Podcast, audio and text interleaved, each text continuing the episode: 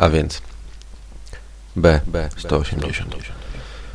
Najpierw bardzo chciałem podziękować pewnemu człowiekowi, który podszedł do mnie na ostatniej MFC i powiedział, że to, co robię, jest fajne. E, po tym całym czasie, kiedy bawię się w ten podcast, to jest naprawdę niesamowita rzecz. No, ale teraz do rzeczy. A więc pewnego razu John Bolton, naprawdę kozacki ilustrator, wpadł na pewien pomysł.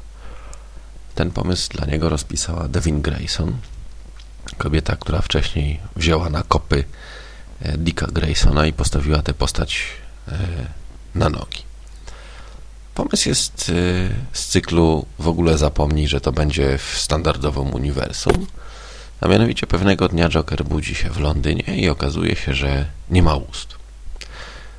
Znaczy w zasadzie ma, ale nie do końca tam, gdzie powinien. Jedna porwana aktorka grająca pielęgniarkę w teledysku radzi mu, aby zabawił się w e, Batmana. Znaczy, radzi mu, żeby zabawił się w detektywa, ale jedynym detektywem, jakiego Joker zna, jest Batman.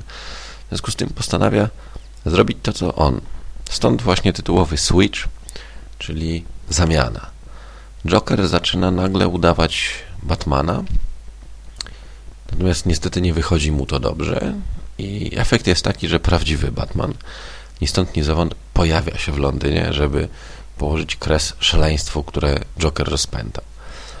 Bądźmy szczerzy, mm, od strony scenariuszowej nie jest to może jakaś straszliwa perła, natomiast y, jest to dosyć ciekawy i niestandardowy pomysł. Natomiast jeśli chodzi o strony graficznej, to John Bolton jest facetem, który od zawsze wymiatał y, naprawdę, naprawdę bardzo, bardzo mocno i również w tym albumie to, co prezentuje, jest godne uwagi. To jest niepohamowana energia, jakiś taki zupełnie nieposkromiony, szalony talent. To jest coś, na co można po prostu gapić się godzinami. E, on prowadzi czytelnika przez jakieś takie zupełnie niesamowite scenerie, niesamowite graficzne klimaty. E, ja przypadkiem kupiłem ten komiks ze względu na nazwisko właśnie ilustratora na Allegro.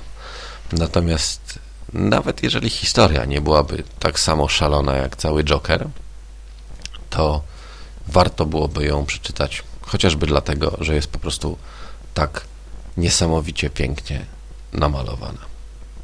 Pozdrawiam. Godaj.